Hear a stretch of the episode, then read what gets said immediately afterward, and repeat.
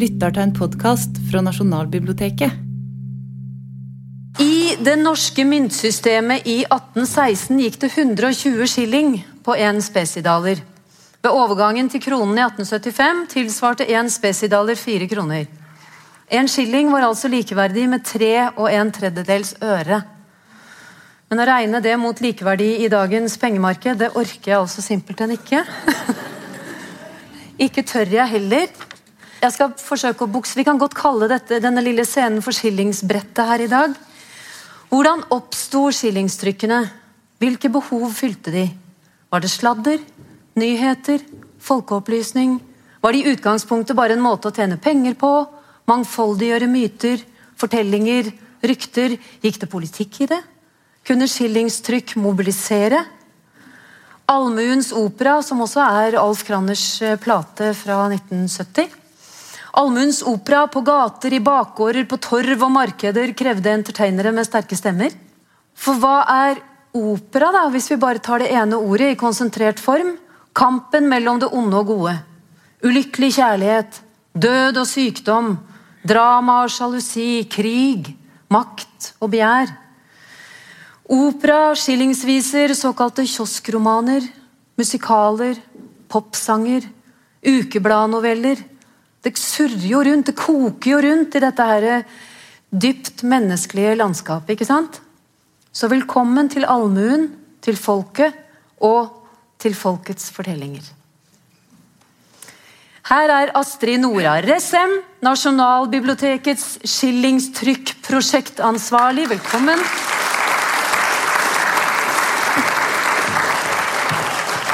Hun skal vi lene oss tungt på her i kveld.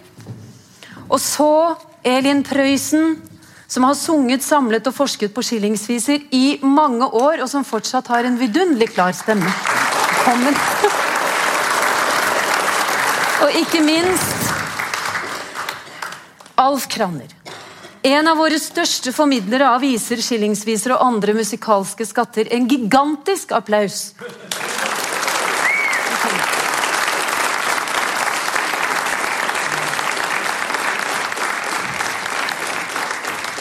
Velkommen. Jeg Egentlig så er jeg litt fristet til å be deg synge med en gang. siden Jeg du nå har gjøre det. Jeg kan godt gjøre det. Ja, vil du det? Ja, det er klart. Sånn at vi sparkes rett inn tilbake Mm. til uh, skillingstiden? Ja vel. Ja, jeg syns det. Ja, kanskje vil jeg si det at uttrykket allmuens opera var det Alf Prøysen som skapte da. Da Elin, hans datter, studerte folkeminne på universitetet under professor Olav Bø, da spurte Olaf Bø henne en dag om hun ikke kunne få faren til å komme og fortelle om skillingsviser. Og det gjorde han, og det foredraget kalte han for Allmuens opera.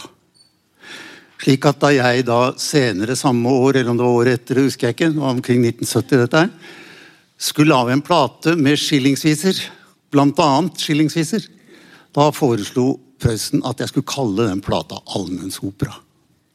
Så det var han jeg kunne takke for den tittelen. Og han ga meg en del skillingsviser. Jeg fikk en bunke med skillingsviser han en gang i presang. Og eh, disse skillingsvisene de har jo da mange forskjellige sjangre. Det er politiske viser, det er eh, kjærlighetsviser, det er sensasjonsviser. Eh, en dansk skillingsviseprodusent som het Julius Strandberg, han kategoriserte som avisviser og ukebladviser. Avisvisene, det var skipsforlis, krig, elendighet, eh, naturkatastrofer. Og ukebladvisene, det var gjerne kjærlighetsviser og sånne ting. Så to ulike sjangre der. Men den jeg skal synge, er en såkalt politisk smedevise. Og eh, disse visene de hadde jo ofte De hadde jo ikke noter. Det sto ikke noter på skillingsvisene, det var altfor dyrt. Men det var melodianvisninger. Det kunne stå f.eks. til melodi A Hjalmar og Hulda. Og alle kunne Hjalmar og Hulda. Slik at den teksten de da fikk, den stemte da rytmisk med Hjalmar og Hulda. Så det var bare å bruke melodien til Hjalmar og Hulda på en haug med andre viser. Men så sto det av og til bare egen melodi. Og da måtte man til pers selv, altså. Man laget sin egen melodi. Og på for flere av de visene som jeg fikk av Prøysen den gangen, så sto det egen melodi, og da lagde jeg melodier til de. Så dette her er da en nidvise, eller smedevise, politisk nidvise om keiser Wilhelm av Østerrike til egen melodi. Se, det var en gang for meget lenge siden, keiser Wilhelm og en annen laget krig. Keiser Wilhelm fikk banesår i striden og bega seg straks på vei til himmerik. Der i porten traff han gamle Sankte Peder, men den gretne gamle slo sin bok igjen. Jeg kan ikke finne navnet noen steder, det er sikkert nedenunder du skal hen. Keiser Wilhelm han bega seg straks på farten til det sted som Sankte Peder til ham sa. Til et sted litt lenger ned i gaten, for et nattelyde måtte han jo ha. Og der nede pleier de sjelden være kresen. Keiser Wilhelm kom dog like galt i vei. Fanden sa idet han rynket stygt på nesen, jeg beklager, her fins ingen plass for deg. Og det hjalp ei hva han tigget på og klaget. Han fikk ikke lov å slippe innenfor. Men til slutt ble fanden lei av gnage. Jeg skal hjelpe deg så godt som jeg formår. Du har visstnok noen evner rent aparte, og et grep på tingen som er ganske bra. Du skal få noen glør av meg, så kan du starte med et lite helvete her ved siden av.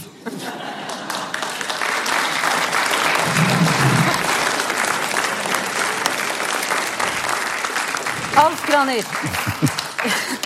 Hva var tittelen på visa? Eh, Fandens filial. Men den visa der, den er jo egentlig et litt artig eksempel på For der veit vi hvem som har laga den. Ja, Og det er Alf Scheflo. ja. Men på det trykket som jeg fikk av, av faren Ja. din, så står det Johannes Dehn. Ja, ikke sant? Fordi at de stjal jo som ravner, Ja. og du hadde ja, det, eh, Så han har jo flere av hans viser forekommet Ja. på skillingtrykk. Og, det og, jeg, og jeg sa jo også det, og det, faren din fortalte meg det. At, eh, for jeg sa det er Johannes Steen, hvem var det? Ja, det er han som har gitt den ut, men. Det er ikke han som har skrevet den, jeg tror det er Alf Scheflo. Ja. Som da var jo, i Trondheim. Hva? Og så brukte de jo ofte pseudonymer også. ikke Det gjorde de jo. Å, ja da. De dekka seg bak pseudonymer. Ja da. La oss få, ja, for la oss få uh, liksom rammene rundt det hele. Hvordan oppsto skillingstrykk? Hva var det helt i starten av? Vet vi det? Vi vet ikke så mye om hva og hvorfor akkurat starten, men i alle fall så det er en 500 år lang tradisjon. Eh, jeg tror de første skillingstrykkene i sirkulasjon i Norge det var sånn utpå 1500-tallet en gang. Ofte danske trykk og mye religiøse trykk. Ja. Eh, Det første norske trykket var tror jeg, 1643, som også var en religiøs vise. En merkelig vise om dommedag, eller noe sånt heter den. ja. Var det mest religion i starten? altså? Det var nok det i starten, og også, det var jo ganske dyrt i starten, for da var det dyrere med papir. Um, så da var det nok litt mer retta mot kanskje overklassen enn det ble etter hvert. Men så, uh, fra og med midten av 1800-tallet, uh, den industrielle revolusjonen celluloseindustrien gjorde at papirtrykk eh, var billig å lage papir. Eh, det fantes trykkerier overalt. Folk kunne jo lese, og da bare eksploderte det. Som en nyhetsbærer og som en sladderbærer og, og som en del av populærkulturen. Ble det oppfattet som sannferdig? Altså en del av det som sto på trykk, eller tok man det med en klype? Det tror jeg de visste veldig godt å skille. Altså Noen Ja. var nok veldig sannferdige, og noen skjønte at her er det mye tull og tøys. Men i nyhetsvisene eh, Nå er det jo flere som sammenligner nyhetsvisene med altså det som sto i avisene på samme tid, og sånn, og, og, og skillingstrykkene ligger ikke nødvendigvis eh, langt fra det som, som også ble formidla i aviser. Navnet skillingstrykk, da kom det på 1800-tallet, eller kom det mye før? Det vet jeg ikke, men iallfall sånn, av det jeg har sett, da, så skillingsvisebegrepet er, har jeg sett på trykk allerede sånn rundt 1830. Ja. Men det var like vanlig å snakke om gateviser og markedsviser eller markedssanger. Eh, kjøkkenpikeviser. Eh, flyveblad, fordi de fløy så fort rundt. ikke sant? Det var jo folk som dro rundt og solgte. og eh, Det var ganske rask kommunikasjon med disse visene. Eh, så ja. Jeg vil også Jeg har et trykk, jeg bare viser det. Ja. det jeg har et dansk skillingsvise her, som er fra 1783. Og det er original. Det er fra 1783. Og det er veldig fint å klappe for et trykk også. Jeg liker, jeg liker dette kjempegodt. Men jeg har tenkte også på- tenkte også på det du sa Alf, om nyhetstrykk og ukebladtrykk. Ja. Og f.eks. på han som egentlig het Anton Andersen. Mm. -hmm. Født i 1877, men som ble kjent som Jumbo fordi folkevittigheten døpte han Jumbo etter denne kjempeelefanten til, eh, til Sir- Barnum. Sirkus Barnum, ja. Ja. Og han skrev skillingsviser i rasende fart. Ja. Og publiserte bl.a. en sørgelig sang om den redselsfulle ulykke under brannen i Kongens gate den 15. september 1903. Ti personer innebrente. Af Jumbo. Motto 'En kostbar skosverte ble kokt den dag'. Han var på gata med dette skillingstrykket, pris ti øre, før Morgenbladet fikk det på trykk i avisa. Han skrev mens det brant. Jo. Ikke sant? Ja, jo. sånn. Der har jeg lyst til å føye til noe, altså. Ja, jeg også. Og det, du også? Ja, du, ja, si det du først. Nei. Det jeg tenkte å si det var at eh, det var jo også fordi brannen tok lengre til å slukke, fordi brannvesenet hadde oppfatta feil adresse. Ja. Og Det er den liksom ekstra triste delen av den historien, egentlig. ja. Men, men, eh, men han var rask, han var lynrask til å skrive nyhetsviser. Ja. Ja. Men jeg har bare lyst til å føye til det der på det som du sier nå. Og det er at eh, han må ha skrevet veldig fort. Fordi at det at brannvesenet kjørte til feil adresse først, det har han fått med i visa. Ja, det har han. Klart, hvorfor, hvorfor Nei, det husker jeg ikke, men brannalarm. Se, vognen kommer, og til Kongens gate går. Se, i denne ettersommer luer ut av huset står. Hvorfor har de allerede sløyfet kirketårnets vakt? Det var antagelig brannvakt på toppen av kirketårnet. Herfra kunne brannens hete hurtig tages vel i akt. Så at man kan slippe kjøre opp til Kollets gate hen. Når at veien hurtig fører til Kongens gate. Dumt, min venn. Han, han var to meter og fire centimeter på strømpelesten, og jeg ser han på en måte for meg skrivende mens han løper. Ja, han gjorde det. For å få med seg det aller siste, så han var jo datidas nyhetsjournalist. Ja. Ja da, og så reiste, han, så reiste han mye rundt på anlegg vet du, og skrev viser om de forskjellige anleggene. Ja, det var jo veldig populært. eh, Nei, Han dro jo rundt blant arbeidere. Altså, han dro opp til Notodden med kraftanlegget der, og så dro han til Askim, vet jeg. og sånn, Han skrev du vet, det var jo, det var jo, Man bygde jo opp infrastruktur. ikke sånn, Ofotbanen, Bergensbanen, alt mulig sånn. Og der jobbet jo rallare, da. Så her for er en vise av Jumbo. Han skrev bare J. Alle visste hvem J var. så Det var Jumbo. originaltrykk. Vise om kraftledningen fra Askim. Forfatteren av Askim-sangene. Han har antagelig skrevet flere. da. Eh, pris 20, 20 øre. Og han eh, levde sammen med rallare. Han så ut som en rallar selv. Han hadde jo svær kappe og ofte en sånn rallarhatt.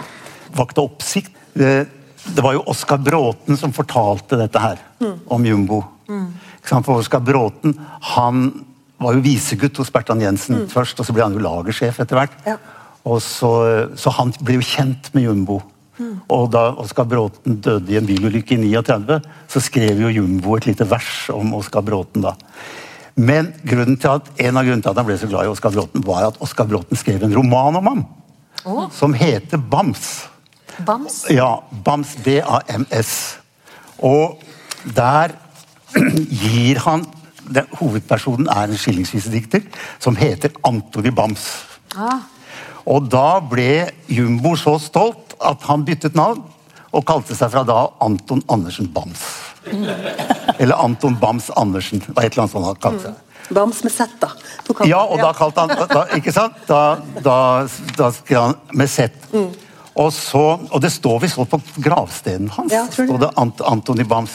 Hvor, hvor er han gravlagt? I Valdres, tror jeg. Valdres. jeg lurer på det. I hvert fall bodde han der de siste årene av livet. For han var jo en revolusjonær, og han Ja. var veldig opptatt av småkårsfolk. Så han, og snakka mye, med- mye med folk. Han var jo mye rundt på kafeer og, og, og, og reise på anlegg, eh, som vi har hørt nå. Men, og han var også en agitator, så han ble hyra inn til å holde en, en, en politisk tale på en arbeiderforening på Grønland, tror jeg det var Ja. Og skremte vettet av folk med en voldsom tale om eh, kirkene skulle falle og byer skulle brenne. Og, og det var virkelig dramatiske ting. Han, eh, men altså med et, eh, et stort rødt fortegn, for å si det sånn. Ja. Han var en sterk politisk Vi hadde en visedikter her i Oslo som het Hans Alexander Hansen.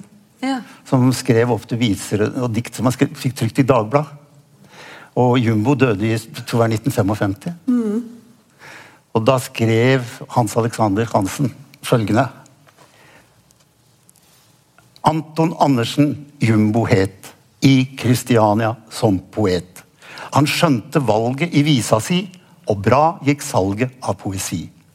Han dro til anlegg på sine bein, der Norges rallare sang for stein. Det var reprise for stang og spett, men Jumbos vise de lærte lett.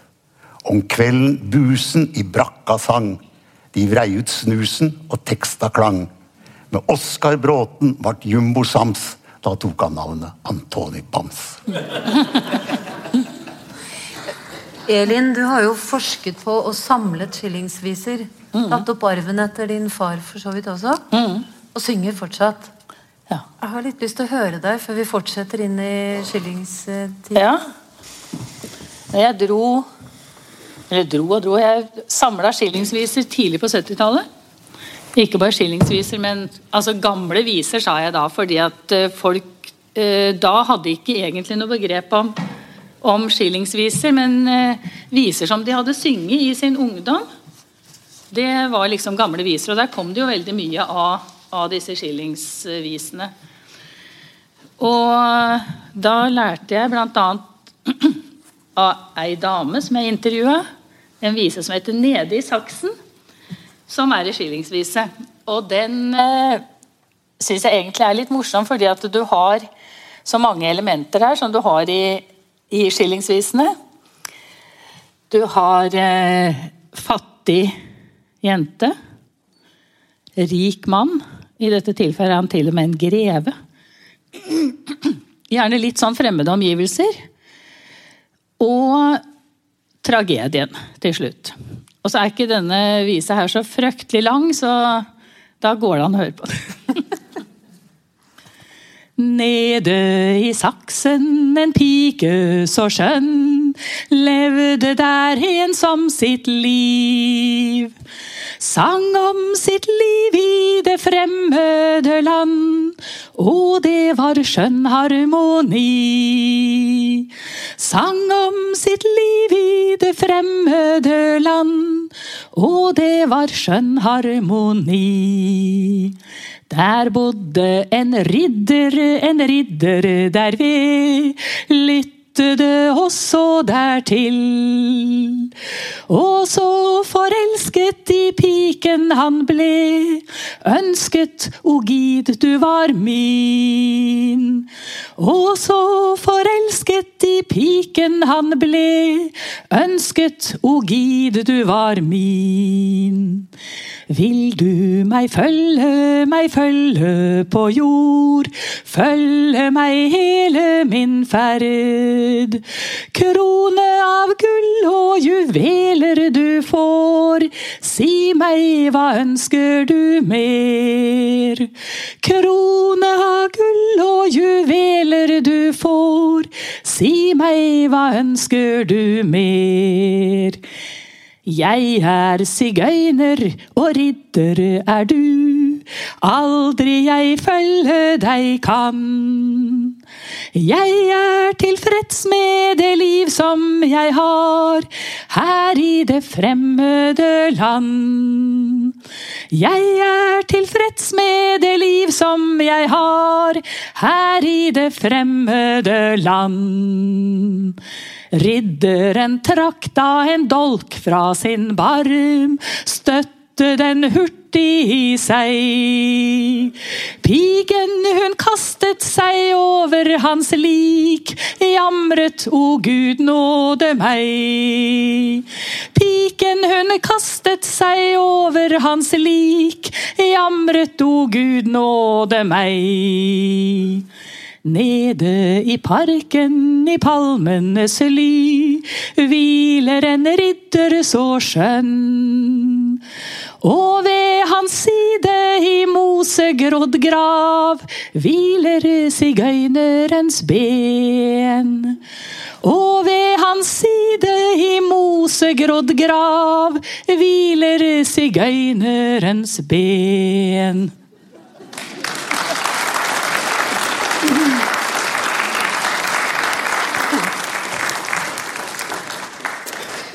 Denne visa her nede i saksen ble utgitt eh, første gang, tror jeg, av deg på 'Pikeønsker fra en veranda'. Som kom i 1973, og Ja. som kom i en remastret versjon i 2011, og som finnes på Spotify. Ja da. Fin skal. Ja, ja, ja. Nok for å høre den. Da var det litt Da var det med Willy Andresens orkester og litt mer stæsj rundt. Ja. Men alle disse historiene om én ulykkelig kjærlighet, overgrep, makt ut Altså menns makt over kvinner, dem er det jo mange av, og det tilhører vel det man kan kalle ukebladsjangeren Ja. innenfor skillingsvisene også. Men det er jo en historie vi har hørt så mange ganger. Ikke bare i sangene, men også i sagn og i eventyr og i andre fortellinger om ridderen som møter en kvinne langs veien, og så vil han ha henne, og så får han henne ikke. Og enten så blir hun drept, eller så tar han livet sitt. Det, er sånn, det er en slags mal. Men det som er litt spesielt med akkurat den visa, synes jeg, fordi at det er jo sjelden at uh, jentene sier nei. Ja. Altså For hun har tydeligvis sett da uh, denne standsforskjellen. Ikke sant? Dette her går jo ikke an. Men uh, det er også viser hvor Hvor de da faktisk blir gift. Ja. Og det går dårlig. En som heter 'Jeg fødtes kun fattig'. Kan du noe av det? Eh, Jeg husker ikke melodien. Jeg fødtes kun fattig, og jeg måtte miste min fader og moder sto igjen med meg, begynner han. Hun oppdro meg kjærlig og ømt til det siste. Ei glede, men fattigdom prydet vår vei. Og så møter hun da en rik mann, og så tenker hun nå skal dette her bli bra. Men så blir det jo ikke det, fordi at han er, skammer seg over, over henne. da. Fordi hun er liksom, når ikke opp til hans nivå, på en måte. Så, så det ender jo tragisk, det òg. Men eh, Ja. det er mye tragedier, egentlig. ja. Solgte bra. ja, helt sikkert. ja, er det det, Astrid? Nei, jo, det er jo det. Det er, det er jo mye som handler om kjærlighet og sorg og sånn, spesielt på 1800-tallsvisene. Men jeg må jo si jeg er overraska over hvor mye humor det er. Altså hvor mye, også litt sånn motsatte kjønnsroller, der kvinnene er ganske tøffe og sterke. og Ja, vi skal jo ha en hel kveld ja, om ikke sant, det skal ha en hel kveld om det. Så det, det er ikke sånn helt ensidig, det der. Og også måte, viser som, som egentlig sier mye om 1800-tallet. tenker jeg, Mentalitetshistorie. Og det er jo litt sånn, for, altså det er jo mange ulike som skrev skillingsvis, for å snakke om Jumbo. Men også fra det litt sånn høyere lag. Jeg tenker på eh, Alfred Stinding Larsen, eh, som eh, som hadde pseudonymet Olaves Pedersen. Men, men, men alle, alle visene er jo på en måte retta til allmuen. Av skillingsvisene, stort sett. Um, og det viser ganske spennende øh, skal vi si, bredt bilde av hvordan folk øh, hva- de var opptatt av, hva de hørte på, hvordan de formidlet seg selv. Ja, det slår Også, meg mm. at mm. mange av disse fortellingene her er så, er så mangefasetterte. Altså fortida blir mer mangfoldig. Ja, det blir ja. mer levende Rett og slett, for ja. Mm. oss enn mye av det vi for så vidt har fått servert i andre, blant, av- fra andre kilder. Da. Mm. Det er ikke den offisielle framstillingen. Nei. Og Det gjør jo også at mange forskere nå fra mange fagfelt begynner å interessere seg for uh, det her materialet. Og Som også er en av grunnene til at vi nå mm, er veldig opptatt av å prøve å få formidla det vi har Ja. her på huset, da, sånn at det blir tilgjengelig. rett og slett. For det har vært litt sånn gjemt i noen samlinger her, og vi, vi har ikke helt oversikten. Og Det er også flere arkiver og bibliotek rundt omkring i Norge nå som, som uh, jobber for å, å få fram skillingstrykk Ja, samlingene sine. Så mm. Men så er det jo sånn at store begivenheter gjennom hi historien, gjennom norgeshistorien også fant veien til skillingsvisene, som f.eks. det store dramaet rundt ranet av Norges Bank i 1835. Nyttårsaften, der løper Kristianias borgere rundt omkring i gatene, og det er masse snø, og det er kaldt, og de har masker, de som har vært i selskap, og folk er fulle og gærne. Og der kommer Ole Høiland snikende med disse voksavstøpningene og nøklene han har klart å få laget. Var det sju låser han klarte å kopiere seg fram til? Og han bodde da i en gård på Sagene og hadde et hemmelig rom. Og så satt han der inne og lagde voksavstøpninger helt til han hadde fått til disse nøklene. Og så bestakk han to av vaktene og si, sa 'sov når jeg kommer'. Jeg legger til litt, da. Og han blir beskrevet For det, det, det gjør vi jo. Eh, han blir beskrevet i Morgenbladet som en veldig vakker og staselig mann. Eksentrisk. Og på den tiden, fordi man ikke hadde fotografi, så beskrev man i detalj hva man så. Og jeg tenkte jeg kan forsøksvis etter hukommelsen beskrive ham slik jeg så ham beskrevet i datidas Morgenblad. Eh, som hadde en føljetong etter det store ranet. Mm. Norgeshistoriens største bankran. Før Alf kan synge, kanskje? Ja, men det må bare si at ja. Han ble e- bare overgått av Nokas. Nokas-ranet. Ja.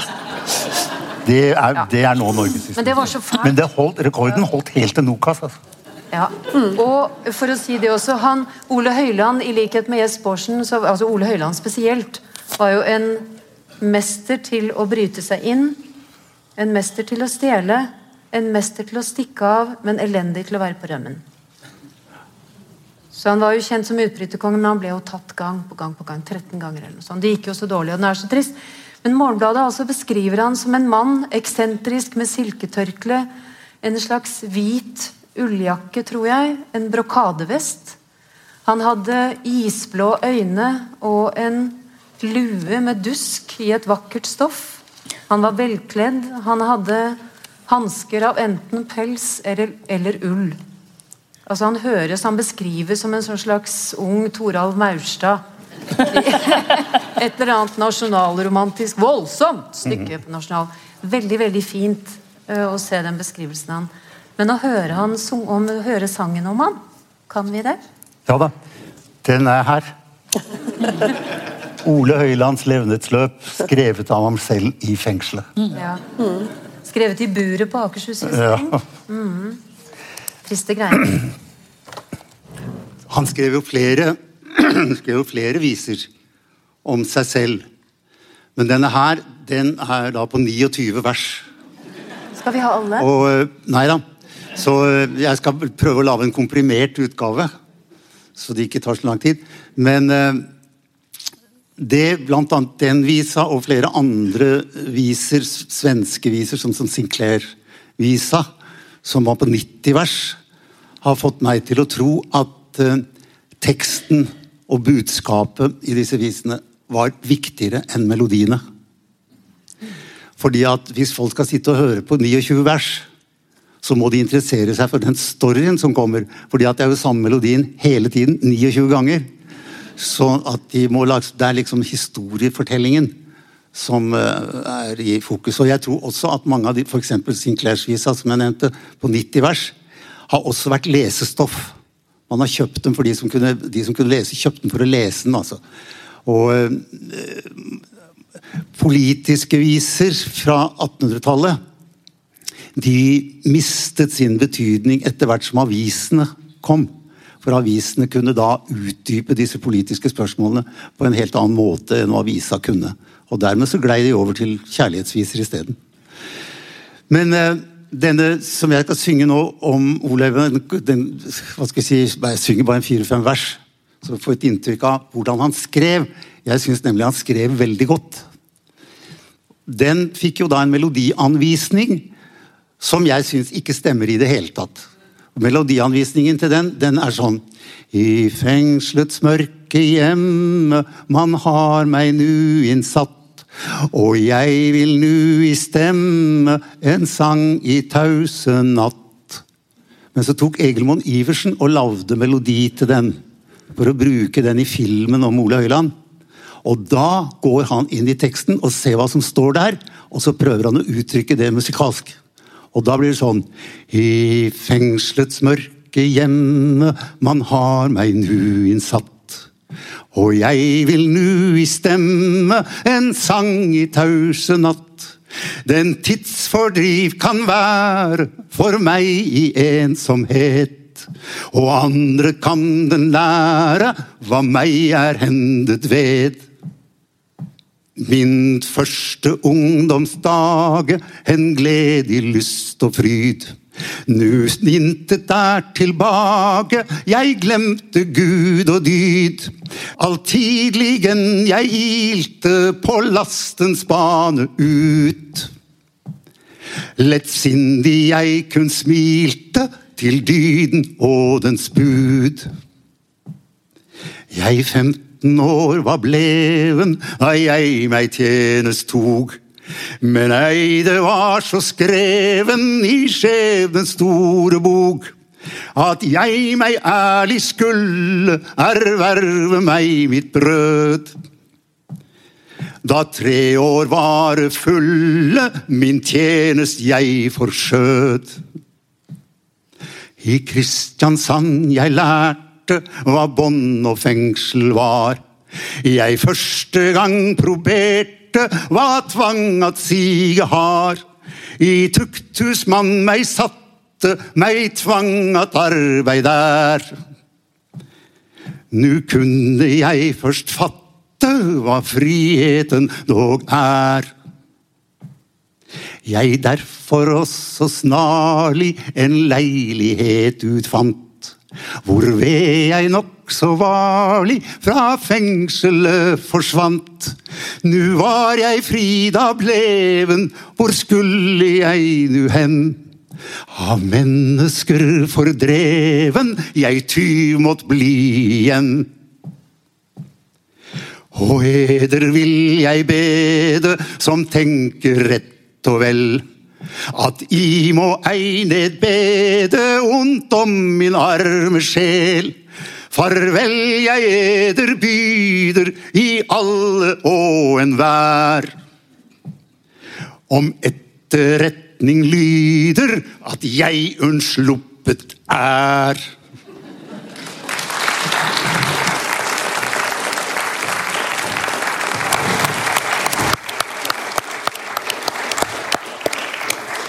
Man husket 29 vers.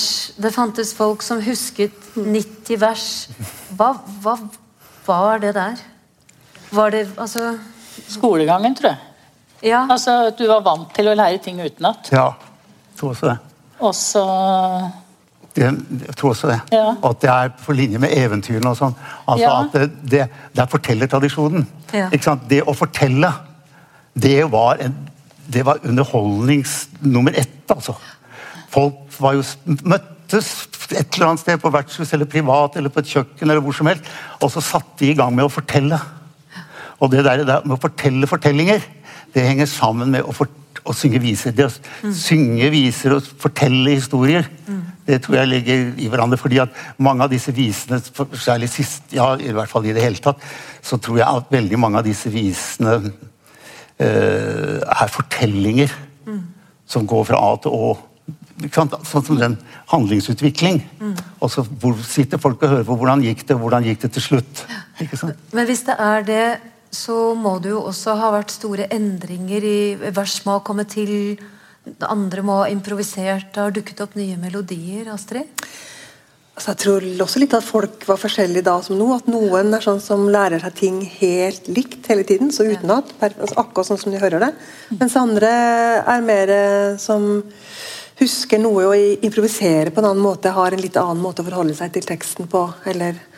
Og så har det jo vært ganske mye variasjon på um, skillingstrykkmelodier også rundt omkring i bygdene, der folk har eh, hatt sine tradisjoner som de har lagt inn i de tekstene. Sånn at eh, jeg tror, nå, nå, Det er jo ikke gjort så mye forskning på det, så vi vet ikke så mye om det.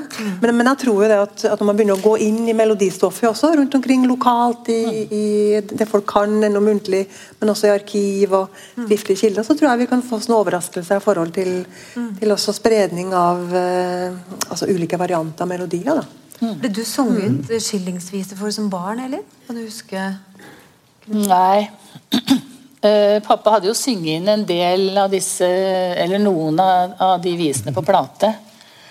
Eh, men eh, jeg kan ikke huske at jeg tror ikke han sang egentlig det for meg da jeg var liten, men jeg ble jo mer interessert i det etter hvert. ikke sant? Sånn at da jeg begynte å spille litt gitar og, og synge sjøl i ungdommen, så var det jo litt av hvert som han kom trekkende med. Og det var jo veldig spennende med disse her gamle trykkene. da, jeg må jo si det. Du må nevne med med Arbeiderbladet, med arbeidermagasin, men arbeid, Ja. magasin for alle. Ja, han samla jo inn en haug med viser gjennom eh, Magasinet for alle. Begynte vel i 1953. Ja. Eh, og da sendte folk inn viser til magasinet. Som de hadde lært Ja, de, Som de hadde lært. de oppfordret leserne til å sende inn skillingstrykk som de hadde liggende. Aha. Og så fikk de Ja, så fikk de en, eh, en av pappas eh, visebøker, da, de som kom på Å, ja. trykk. Og nå husker jeg ja, borti 2000, det var nok det. skjønner du. det. Og de, samlingen ligger her på Nasjonalbiblioteket i Alf Prøysens samling i, i håndskriftsamlingen. Og noe som var, når du nevner den, så var det jo noe som var litt artig, fordi han fikk inn Etter hvert så ble det jo veldig mange av de samme visene som gikk igjen, ikke sant? som folk sendte inn. Men så var det, fikk han en vise nordfra som heter Dønnesrosen. Som var veldig sånn eh, altså Det var en gammel riking som gifta seg med ung jente. Og hun tok livet av seg, og han drukna Eller han skulle ro over fjorden, og båten sank. Og, altså det var store, stor tragedie, og den kom på trykk i blad. Og så Mange år etterpå så traff pappa denne her mannen. Og så sier han ja, jeg må bekjenne noe for deg, sant? for den visa har jeg dikta. Han hadde så lyst på å få den viseboka som uh, til pappa, da, sånn at han hadde satt seg ned og skrevet Gjort vise. godt arbeid, da. Ja, da, og han, han lagde til og med en innledning at denne her hadde vært sunget uh, langs Helgelands kyster siden 1700-tallet. Han kunne malen, i hvert fall. Ja, han kunne å male, skrive så du kjenner jo igjen akkurat Så det var egentlig ganske godt, uh, godt nå, skrevet. Apropos mal, vi skal jo neste gang skal vi gå til eh, blant andre Elvira Madigan og Sixten Sparre og det store, triste dramaet rundt disse to og reisen deres til Danmark og sånn. Men den melodien til Elvira Madigan da, da, da, da, da, da, er jo den samme melodien som i en sal på hospitalet. Vi snakket jo litt om det i stad. Og Da vi var små, så sang vi 'Irvirren Sarvar' på Horhospitalet. Ja. Husker du det? Ja, ja, ja. Vi har sang Vi det. lagde røverspråk av den. Ja. ja. Vi syntes han var så fæl. Husker du det? Ja. Så hvis Irvirren sarvar på På hospitalet Erver verdig virvitte servenger storvar. Larvar lirvirren mirruskak pirvilke mirvill og gorvor med jirvillen tarvar.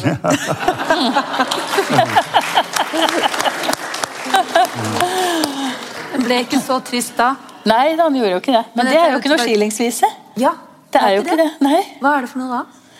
Nei, altså den er jo litt uh, morsom, jeg, morsom og morsom. Teksten er jo tragisk, da, men uh, uh, der er det flere historier om Altså Folk mener å vite hvem denne jenta var, og hvem som har skrevet sangen. Det skulle da være legen som hadde behandla henne. Det er tuberkulosetida? Ja, på, det var fra tuberkulosetida. Og jeg hadde på eh, 2000-tallet, begynnelsen av 2000-tallet, så hadde jeg en spalte i bladet Familien som heter 'Sangene i våre hjerter'. og, og da trykte jeg den i en sal på hospitalet med da de opplysningene som jeg visste, og den er jo kjent fra Sverige også. Lasarettvisan heter den i Sverige. Aha. Og den er kjent fra Danmark, så jeg skrev liksom opp dette her. Og da fikk jeg altså tilsendt flere brev og avisutklipp med Nei, det var derfra, visa var derfra, og det var den jenta, og det var den legen som hadde skrevet. Sånn at den, Det reviset folk har et veldig sterkt forhold til, sånn at de har faktisk hekta teksten på bestemte personer. Ja. Og det fantes syke piker overalt. De gjorde jo det, vet du. Ja. Det var vel med, var med visene som det ofte var med, med felespill og sånn. Hangfelespill. Der vet jeg at liksom det, Du kan nevne en, en slott fra Telemark, f.eks. Og da, hvis du gjør det hvis jeg, Og jeg hørte Kjetil Løndahl spille den. det var så fint. Ja, men det er ikke han som har den rette forma. Rette forma har du her! ikke sant? At de krangla om hvem som var den rette forma. Og sånn var det ofte. Men jeg hadde også lyst til å skyte inn noe når det gjaldt det der med dette med å forandre på tekster. Fordi at eh, Jeg har lest en del om svenske skillingsviser, for de har jo en kolossal flora med skillingsviser fra 1500-1600-1700-tallet. Og øh, der fortelles det at politiske, historiske viser, sånn som Vasa-visa, Jøta Kjempe-visa og disse her, de ble brukt om igjen lenge etter at disse episodene har funnet sted. Lenge etter at de var aktuelle. Ja. Så de ble tatt om igjen i en helt annen situasjon, og så bare fiksa litt på navnene og fortsatt å bruke dem. Som om de var aktuelle. Som om de var aktuelle. De har bare rett og slett oppdatert dem. Ja. Ved å bytte ut kongenavn og hærførernavn og sånne ting. Da. Så fungerer visa fremdeles, den. Bare 200 år etterpå, liksom. Har du noen sånne du husker noe bare strofer av? eller noe sånt? Nei, er, nei, jeg tenker jo da på disse her øh, Jeg tenker på de der store vis- Vasa-visaen og Ja. Gjøta kjempevis og, øh, om dalkarene som hadde omringet Stockholm for å få ut danskekongen og sånn. Ja. Konung Østa rider åt dalane, han taler til sine menn. Kristian sitter i Stockholm stad og drikker både mjød og vin. Og så skal de hive ut han, da. Ja. Og den visa der den er mye eldre enn enn, eh, Gustav Vasa. Altså. De har bare tatt den om igjen og så har de bare bytta ut navn. Det jeg syns er interessant, er at når Alf gjør dette, når han på en måte slår ut med armene i en samtale og begynner å synge et vers, så får jeg lyst til å høre resten av historien. Og da tar han jo tak i det som jeg tror er så dypt menneskelig, og som finnes over hele verden. At du begynner på en historie, og folk vil høre resten. Og dermed så har det jo sittet folk opp gjennom århundrene i l- lag.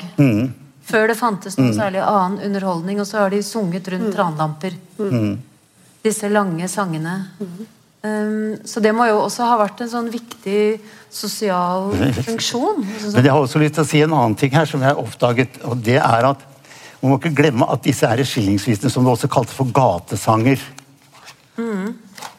De ble jo også sett veldig ned på av den dannede overklassen. ja. Så det var avstand altså fra, fra de der eh, utdannede. De Marchum, hadde jeg nesten sagt. Og så ned til allmuen. Og jeg har her Jeg fant noe som Jeg har masse hjemme. Hva er det står her, da? En ny og sannferdig sang om det grufulle dramaet i Lier. Ja. Landeveiens tragedie. Han fikk ti års fengsel av Torkel Bøhn. Hvor drapsmannen Anders Skrede drepte piken Martha Marie Halvorsen fra Langesund den 24. april 1924. Ja. Det er triste historier, dette her. Ja, ja, det er det. Men du skjønner, det solgte som hakka møkk. Kan jeg få lese det første verset? Ja, gjør det. Og melodien er 'Jeg beilet en gang til en pike så skjønn'. Ja, Og det er Jespersen. Det er Jespersen. Det er Jespersen, ja. Eh, Jeg mener, Handlingsforløpene spriker jo her. I Lier der hentes så grufullt et mord at neppe det her kan beskrives med ord. En kvinne en kveld hen ad landeveien gikk, og følge hun her av en herremann fikk. Som først henne drepte med grusomhet stor, og lot hennes lik ligge skjendet på jord. Det er, ganske harde tak her. Altså. Du får jo, jeg, blir jo litt sånn true crime-interessert Mm. òg. Men eh, jo, det er harde historier. Det er en original. Jeg hadde også lyst til å si noe jeg kan gjøre etterpå, men jeg tenker på det med, med, med Ole Høiland. Vet, han kunne jo ikke ta seg noe jobb vet du, når han rømte. stakk av fengsel. Så det han da fikk inntekter på, det var å selge disse visene. Og særlig i områder rundt Drammen, for eksempel, hvor han var veldig populær. Og i Agder. Da kunne han selge disse visene. Så han fikk dem trygt et eller annet sted, og så solgte han dem og fikk inntekt. Fordi han, han kunne jo ikke ta jobb, vet du, for han var jo etterlyst hele tiden. Men blant allmuen, så var det altså, særlig blant fattigfolk, så var han eh, En slags Robin Hood. Ja. Men her fant jeg altså Dette er et tidsskrift som heter Samleren. Et ukeskrift. Annet bind. København 1788. Og her er, står det en artikkel som er et svar på en artikkel som sto i bind 1, og som var noe om gateviser. Du leser gotisk skrift? Og den ja, Jeg har jo oversatt det, da.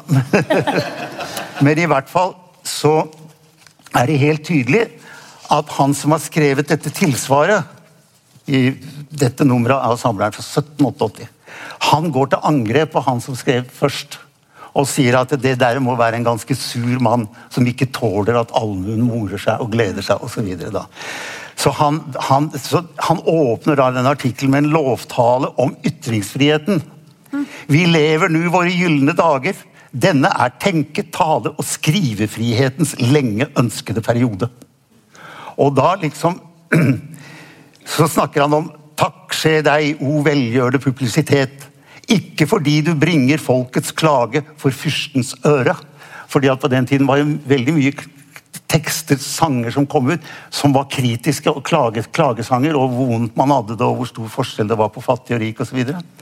Ikke fordi du yter skjensel over den slyngel som loven ikke rammer.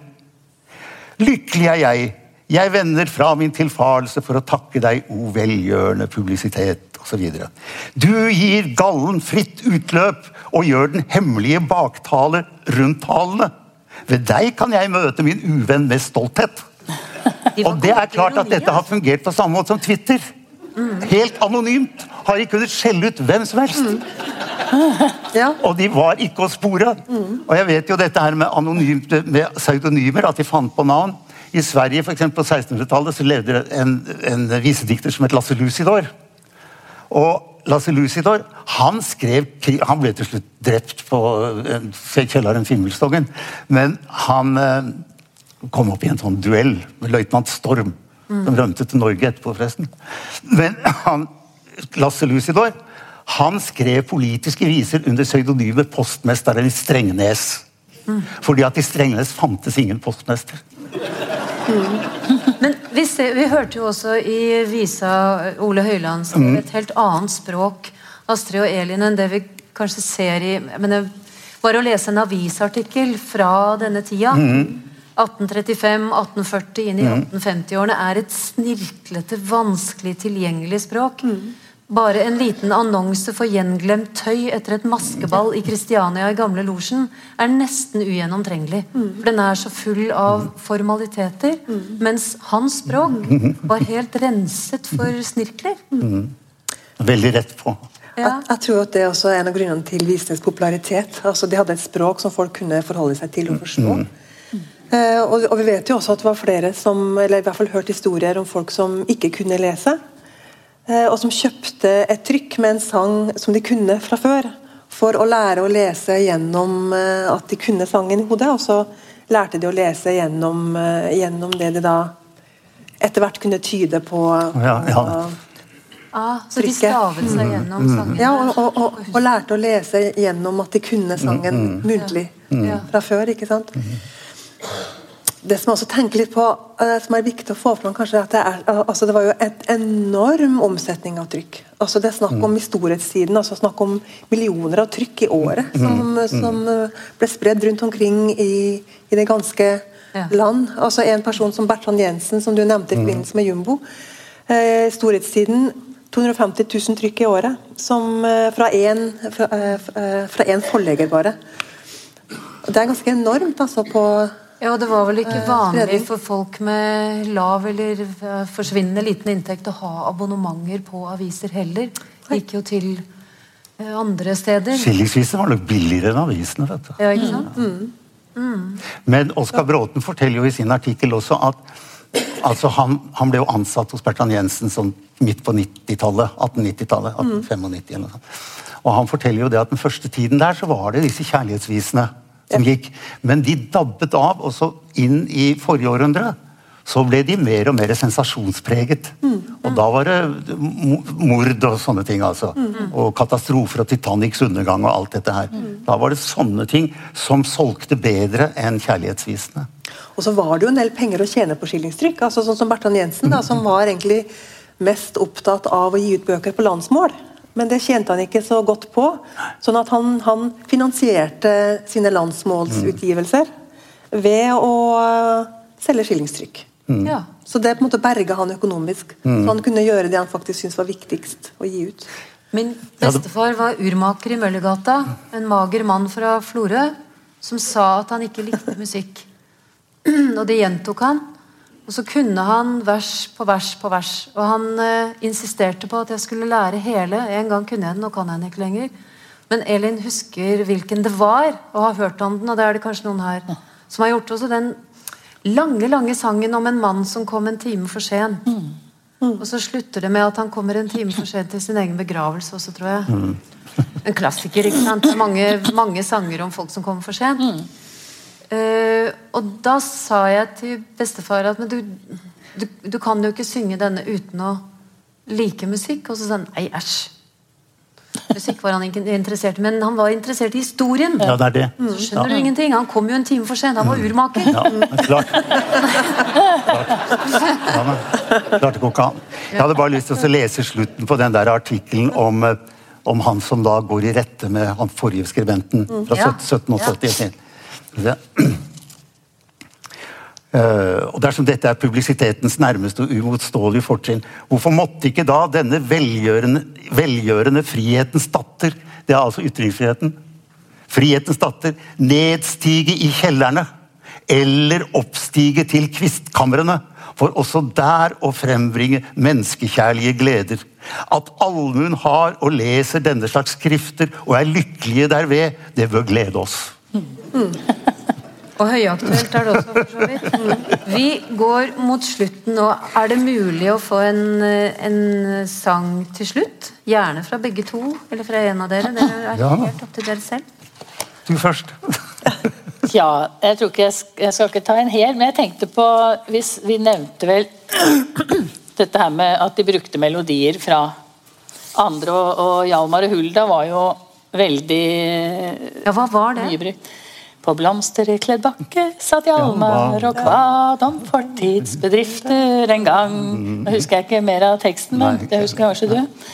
Men eh, ja, det er jo sånn tragi. Og den var jo da opprinnelig svensk.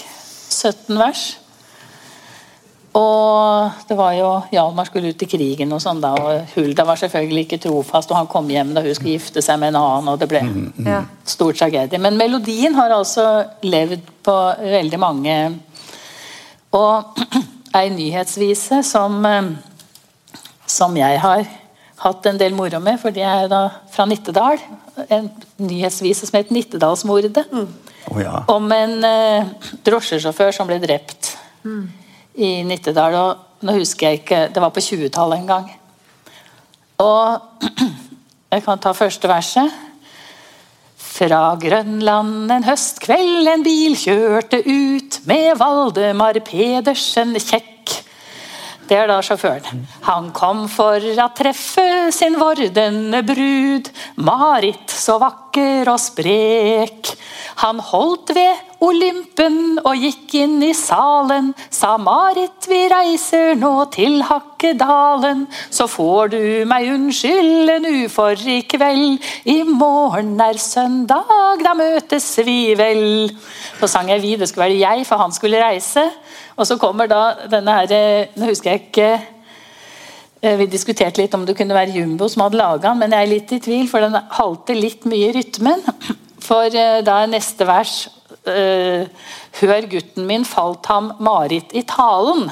Og det blir da når du synger det Hør gutten min, falt ham Marit i talen. Uh, den skuffelse blir meg for slem. Og så blir hun med, og så Og der har altså visedikteren konstruert et plott før saken er oppklart. Om at denne morderen han var da forelska i Marit. Og så visste han at Valdemar hadde eh, masse penger. Så da de kom til Gjelleråsen, så, og dette var høsten, og det var dramatisk vær og Hjalmar, nei, han, Valdemar satt og styrte kjekk i sydvest, står det. Og eh, da de kom til Gjelleråsen, så tok denne her passasjeren fram pistolen og skøyt Valdemar og skøyt kjæresten. For han måtte jo ta begge to. Og så for han av gårde.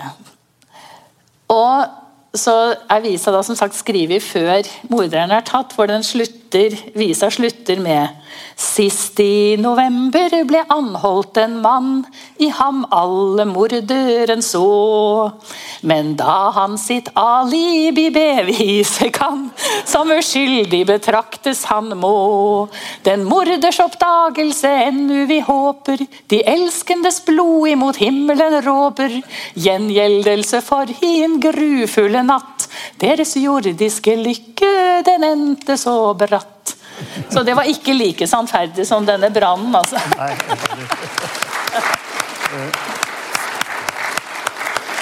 Ja.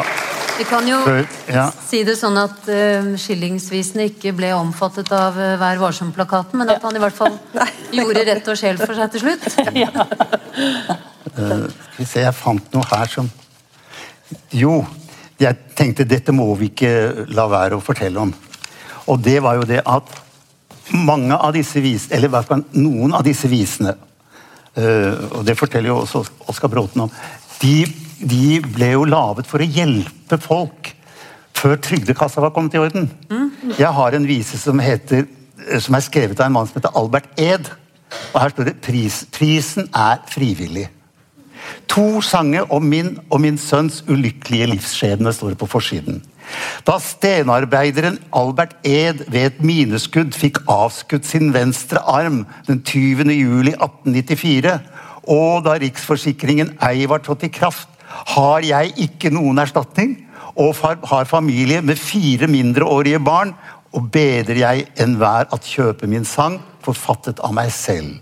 Kjøp nu min sang, det vil lette min gang, at livet for meg ei blir en tvang.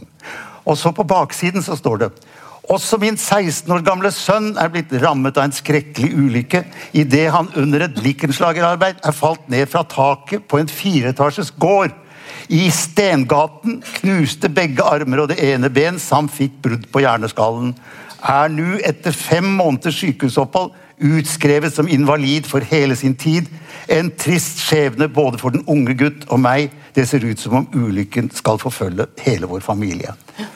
Det og sjømannsviser, som jeg også har, som er, som er altså da for å hjelpe sjømannsenka.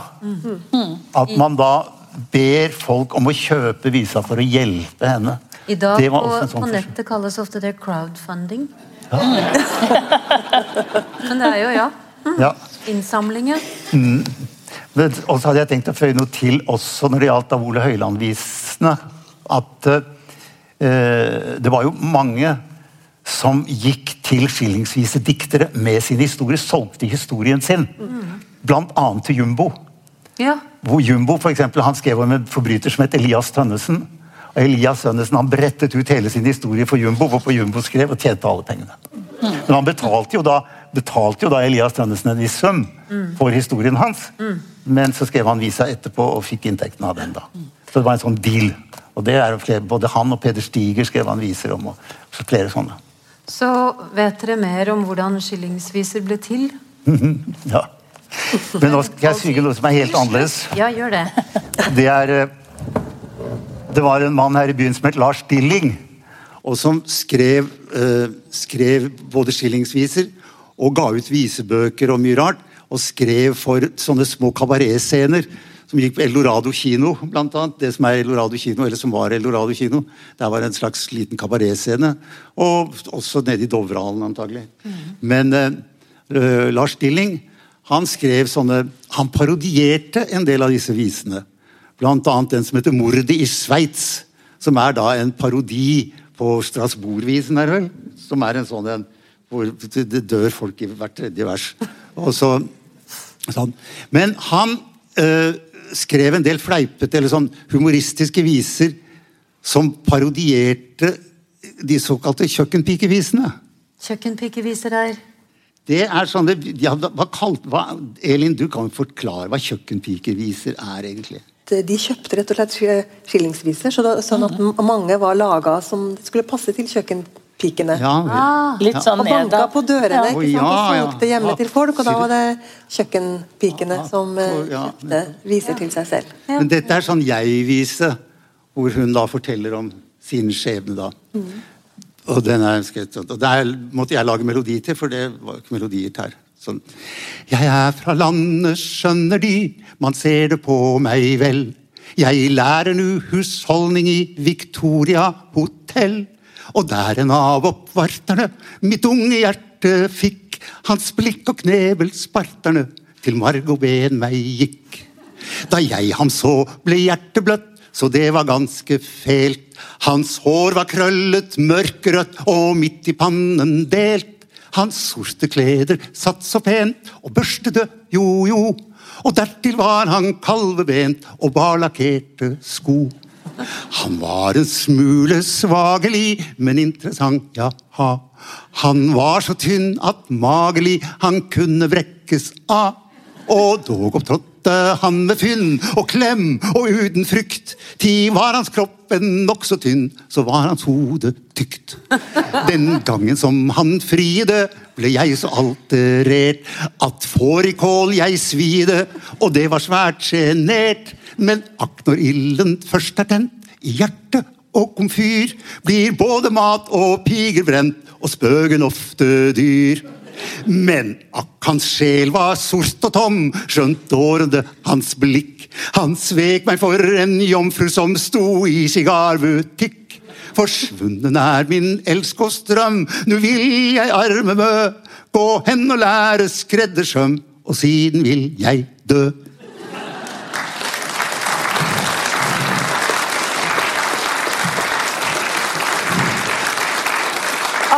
Alf Pranner.